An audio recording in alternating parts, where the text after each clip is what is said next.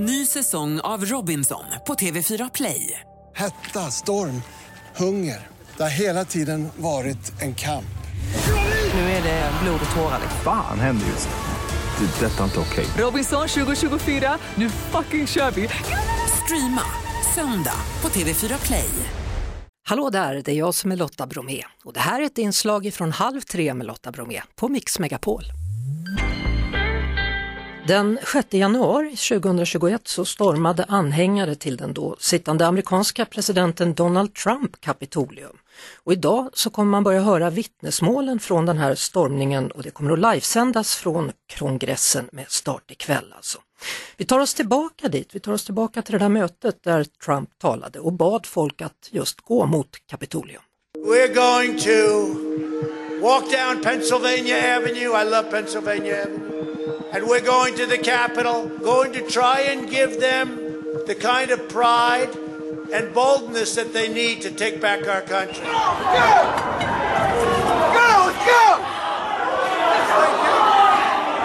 Ja, och sen blev det som det blev. Stort tumult. Välkommen till Halv tre här i Mix Megapol, Andreas Utterström. Tack så mycket. Poddare och USA-expert. Eh, kommer du ihåg den här dagen? Vad gjorde du? Jag minns det här mycket väl. Jag var på semester, var på ett hotellrum med två av mina barn och så får jag ett sms av en kompis som skriver det är förfärligt vad som händer nu i USA. Så gick jag in och tittade på nyheterna och då är det framförallt två bilder som har etsat sig fast. Eh, den ena när någon av de här som har trängts in har tagit sig in i talmannens eh, kontor och lagt upp eh, fötterna på hennes skrivbord och det andra är den här bilden där vakterna står med dragna vapen riktar den mot dörren och är beredd att skjuta om eh, inkräktarna ska ta sig in i plenisalen där eh, senatorerna sitter. Mm. Och det blev ju också ett skott som gick av och en kvinna dog.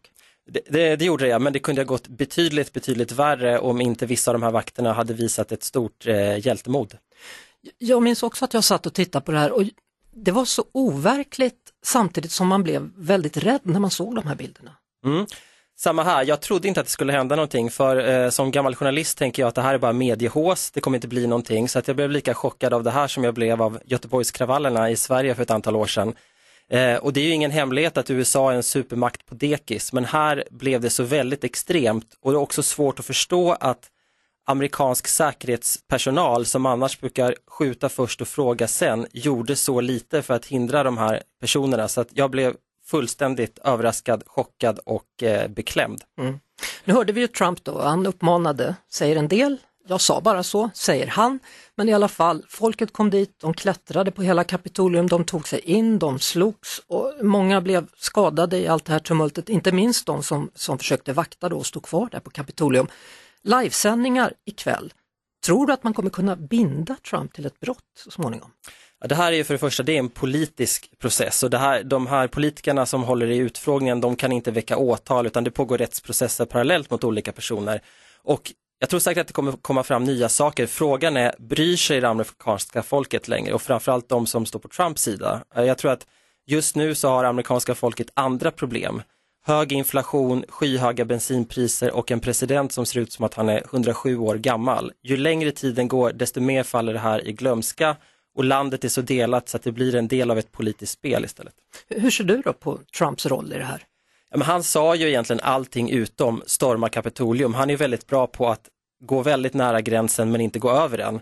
Eh, det som jag tycker var mest upprörande var att han inte gick ut och fördömde det här efteråt, alltså när det pågick och sa ni måste gå hem, ni förstör för landet, utan han var tyst och eh, enligt medierapporteringen satt han och tittade på tv och njöt av det som hände, eller brydde sig i alla fall inte om att göra det han kunde med sin megafon och det tycker jag är det mest upprörande. Mm, och det sägs väl då att en del av de här vittnesmålen kommer att handla om just det att han inte och att folk försökte övertala honom om att göra någonting.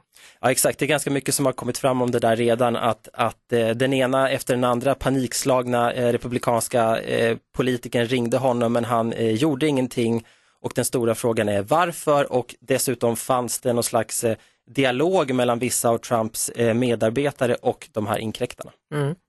Eh, livesändningarna startar alltså ikväll på bästa sändningstid då i USA. Eh, det sägs att man har använt sig av professionella manusskrivare för att få det här så tv-aktigt som möjligt. Låter inte otroligt. Eh, eh, TV är ju alltid show och i synnerhet om det är USA, men den som förväntar sig samma drama som under Johnny Depp-rättegången eh, kommer nog bli besviken, utan det här blir nog eh, till stora delar en ganska sömnig historia, även om ämnet är viktigt. Tack så mycket Anders Utterström, USA-expert och poddar. Och missa inte hans poddar, han har två stycken. Misslyckade brott eller Jag var där, dokumentärer. Allt sammans såklart på Podplay. Vi hörs såklart igen på Mix Megapol varje eftermiddag vid halv tre. Ett poddtips från Podplay. I podden Något Kaiko garanterar östgötarna Brutti och jag, Davva, dig en stor dos skratt. Där följer jag pladask för köttätandet igen. Man är lite som en jävla vampyr. Man har fått lite blodsmak och då måste man ha mer. Udda spaningar, fängslande anekdoter och en och annan arg rant. Jag måste ha mitt kaffe på morgonen för annars är jag ingen trevlig människa. Då är du ingen trevlig människa, punkt. Något Kaiko, hör du på Podplay. Därför arkadeinerna.